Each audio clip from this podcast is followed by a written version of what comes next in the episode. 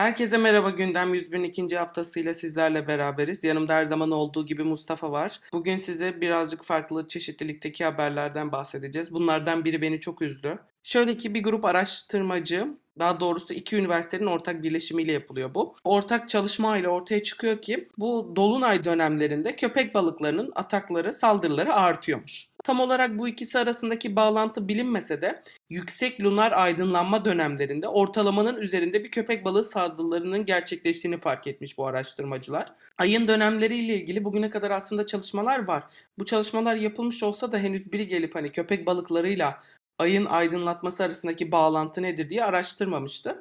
Çalışmayı ilginç kılansa hani öyle biraz hani uyduruktan değil de bildiğiniz 55 yıla dayanan 1960 ile 2015 yılları arasındaki köpek balığı saldırılarıyla ayın dönemlerini eşleştirmişler ve verileri istatistiksel olarak incelediklerinde cidden %30'un üzerinde bir artış gözleniyormuş tam ay dönemlerinde. Bu şeyle alakalı değil ama dolunay olduğu zaman hani yok işte deniz aydınlanıyor, daha aydınlık oluyor vesaire işte köpek balıkları gördüğü için saldırıyorlar değil de zaten istatistiksel olarak aynı şekilde köpek balığı saldırıları gündüz oluyormuş hani gün ışığında deniz zaten aydınlanmışken. Bunun sebebini işte araştırıyorlar, anlamaya çalışıyorlar ama şu an bunun hakkında ellerinde bir veri yok. Çok uzattım böyle basit bir haberi ama özür dilerim. Bir sonraki bahsetmek istediğim konu aslında bizde halk arasında dereotu olarak bilinen bir bitkiden bahsedeceğim. Tabii bunu söylerken birazcık hani dalga geçmiş gibi oluyorum. Aslında bahsedeceğim bitki cannabis sativa yani. Türkiye'de ot, esrar, marihuana diyeceğimiz bitkilerden bir tanesi. Marihuana ile alakalı yapılan bir çalışma var. Ne kadar doğru olduğunu bilmiyoruz şu anlık. Bir meta analiz sonucunda ortaya çıkartıldı. Ancak bahsedeceğim olayın bir farklı yanı daha var. Bir farklı görüşü daha var. Çoklu kullanımlarda ya da az kullanımda yani siz yaygın bir kullanıcı da olabilirsiniz ya da çok nadir kullanıcı da olabilirsiniz. Ancak uzun vadeli bir şekilde ot tüketiminiz varsa, marihuana tüketiminiz varsa bunun sizde şizofreniyi arttırdığı görülüyor uzun vadeli etki olarak ilk defa yapılmış, düzgün yapılmış bir yan etki çalışması diyebilirim buna. Meta analiz sonucunda çıkartılmış. Ancak bununla alakalı insanların farklı görüşleri de ortaya çıktı. Çünkü hani şöyle düşünenler oldu. Acaba şizofreniye yatkınlığı olanlar bazı etken maddeler özellikle stimüle edici maddeleri daha mı çok kullanıyorlar? Yanı sıra bir başka soru da şuydu hani acaba burada THC mi daha çok rol alıyor yoksa CBD mi daha çok rol alıyor? THC stimüle eden yapı taşı diyeyim otun. CBD de sizin hani size uyku veren, daha böyle hani sakinleşmenizi sağlayan etken maddesi. Acaba hani durum olarak ne ne gözüküyor? Bunu hala bilmiyoruz. Evet bildiğimiz bir etki var. Şizofreniyi arttırdığı yönünde. Ancak dediğimiz gibi benim aklıma gelen sorulardan bir tanesi direkt bu oldu. Acaba şizofreniye eğilimi olan insanlar daha mı çok stimüle edici maddeler kullanıyorlar diye. Ki bu durum sadece ota özgü değil. Aslında herhangi bir stimüle edici madde ortaya çıkıyor olabilir. Burada hani burada metamfetaminler de olabilir aynı şekilde ya da çok basit bir şekilde kafein olabilir. Ka- ne olabilir? Kahve olabilir mesela ki kafein burada giriyor ya da çaydaki tein olabilir. Bunlar da sonuçta stimüle edici maddelerin arasına giriyorlar. Kahvede yanlış hatırlamıyorsam toplumun yüzde birlik kesimi ciddi kahve tüketimi sonucunda halüsinasyon görebiliyor aslında. Ancak e, çok fazla tükettiğimiz için ve bu kahveden yan etki görenler de genelde kahveyi tüketmediği için biz kahvenin yan etkilerini tam olarak görmüyoruz ya da çok çok nadir görüyoruz. Ancak aslında günlük olarak da sürekli kullandığımız hatta nikotin de mesela bunlara etki örnek olabilir. Nikotin de aslında stimüle edici bir madde. Ancak biz ona dair şu anda çok fazla olayı ortada görmüyoruz. İleride daha fazla çalışma yapılacak. Belki bir şeyler ortaya çıkacaktır. Bir grup araştırmacı karideslerin özellikle derin sularda bulunan Sergestiedae türünün lüminesans yapan organını araştırıyormuş. Daha doğrusu bazı organları lüminesans yapıyor.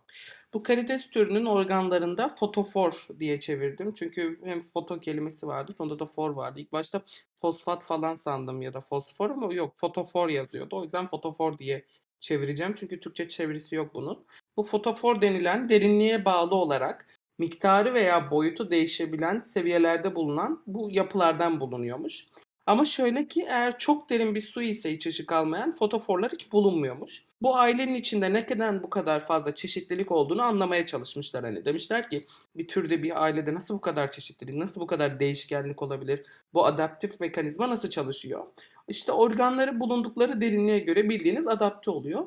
Yaptıkları istatistiksel analiz ile bu ailenin tamamında genetik olarak bu özelliğin bulunduğunu, fotoforlarınsa ışık yaydığı gibi aynı zamanda ışığın varlığını tespit edebilen reseptörlere de sahip olduğunu keşfetmişler ve hiç ışıksız ortamlarda luminesans yapmayan organların meydana geldiğini, farklı seviyelerde ışık alan ortamlarda da kamuflaj için ortama uyumlu bir seviyede boyut ve miktarlarda fotofor bulunduğunu keşfetmişler organlarda. Diğer taraftan aklıma da şu geldi. Işığın farklı spektrumlarında acaba onlar ürettiği ışığı daha ucuza denk getirebiliyorlar mı? Ya da çevrelerindeki canlıların gördükleri ışık spektrumları bizimkinden daha farklı olabilir mi? Işık her ne kadar önemli olsa da acaba bizim gördüğümüz ışıkla aynı mı? Onu birazcık herhalde şey yapmak gerekiyor. Farklı yerle farklı filtrelerle bakmak gerektiğini düşünüyorum. Bir sonraki haberde yağışın dünya üzerinde yarattığı ekonomik etkilerden bahsetmek istiyorum. Son zamanlarda bir kitap okuyorum. Bahsettim mi hatırlamıyorum. Why Nations Fail diye bir kitap. Ron Acemoğlu'nun. Aynı zamanda başka birisinin daha yazdığı bir kitaptı bu. İki kişi beraber toplumlar neden çöker? Adlı, Türkçe'ye sanırım bu şekilde çevrilmişti bu kitabın ismi. Böyle bir kitap okuyorum. Aslında çok güzel karşılaştırmalar yapıyor. Güney Kore ile Kuzey Kore arasındaki fark neydi? Ya da işte Amerika'nın Jalisco herhangi bir eyaletine bağlı Jalisco adlı şehrinde Meksika'nın Jalisco şehrinden farklı olarak neler yaşandı? Birbirine bu kadar yakın yaşayan toplumların bazen kültür olarak da birbirine bu kadar rahat pardon benzer yaşayan toplumların arasında ne farklar oluşuyor da bir toplum oldukça öne çıkarken mesela Güney Kore gibi diğer toplum çok geride kalıyor. Ya da Amerika'daki gibi hani bundan 200 yıl önce birbiriyle 200 yıl demeyelim daha doğrusu 300-400 yıl önce birbiriyle neredeyse birebir aynı olan hatta Güney'in daha da gelişmiş olduğu bir yerde neler oldu da Kuzey bugün insanların alım gücü konusunda ondan Güney'e kıyasla en az 5-6 kat ileride gibi bir kitap var mesela hani. Ki okumanızı tavsiye ederim. Oldukça beğendim ben kitabı okurken. Hala da okumaya devam ediyorum. Yarısına herhalde gelmiş bulunmaktayım. Kitapta bahsettiği gibi aslında bana birazcık daha perspektif oluşturdu. Bununla alakalı yine buna benzer bir çalışma var. Dünyanın farklı yerlerinde bir şehrin aldığı yağış miktarıyla o şehrin ekonomik gelişmişlik düzeyi arasında bir korelasyon kurabildiklerini fark ediyorlar aslında. Ben şimdiye kadar neden fark edilmemiş bunu anlamadım açıkçası. Çünkü aslında oldukça kolay geldi anlaması. E şunu fark ediyorlar. Dünyanın farklı yerlerinde belki birazcık hani sizin etkileyemeyeceğiniz şekilde a priori gelen etkilerle yaşadığınız şehrin aldığı yağış miktarı ve bu yağışı nasıl aldığı şehrin ekonomik düzeyini çok etkili olarak gözüküyor. Eğer şehirde yağış miktarı azsa bu genel olarak şehirlerin daha az gelişmiş olduğunu gösteriyor ya da daha az gelişmesine sebep oluyor. Ancak yağış miktarı arttıkça doğru korelasyonla, doğru orantıyla bu şehrin gelişmişliği artmıyor. Yağışın ne kadar eşit şekilde yağdığıyla önemli olarak artıyor diyebilirim bu gelişmişlik düzeyi. Çünkü mesela Tayvan'a gidiyorsunuz. Tayvan'ın gelişmişliği çok çok ileri değil çünkü yağışların çok büyük bir kısmı aslında muson olarak geliyor. Ya da işte Hindistan'ın bazı kesimlerine gidiyorsunuz. Muson yağmur şeklinde böyle gelip bir ay içerisinde çok ciddi miktarda yağ, yağmur yağıyor. Ki muson yağmurları genelde 3 ay sürüyor ama bu muson yağmurların içerisinde yoğun sezonlar var. Yıl içerisinde düzenli olarak yağmur yağmıyor. Geliyor böyle bir ay içerisinde 3 ay içerisinde çok büyük miktarda bir yağış gönderiyor. Ondan sonra geri gidiyor. Ancak fark edilen şey şu. Yağış miktarının çok olması kurak yerlerden yine de onun daha iyi olmasını sağlıyor. Bir bölgede yağış varsa o bölgenin ekonomisi çok iyi. Daha doğrusu kurak bölgelere göre daha iyi. Ancak bu yağış miktarı özellikle eşit olarak dağıtılabiliyorsa o zaman bu onu bir adım daha ileriye taşıyor şeklinde bir çalışma yapılmış. Bahsettiğim haberle ikinci hafta gündeminin de sonuna geldik. Bizi dinlediğiniz için çok teşekkür ederiz. Haftaya görüşmek üzere. Hoşçakalın.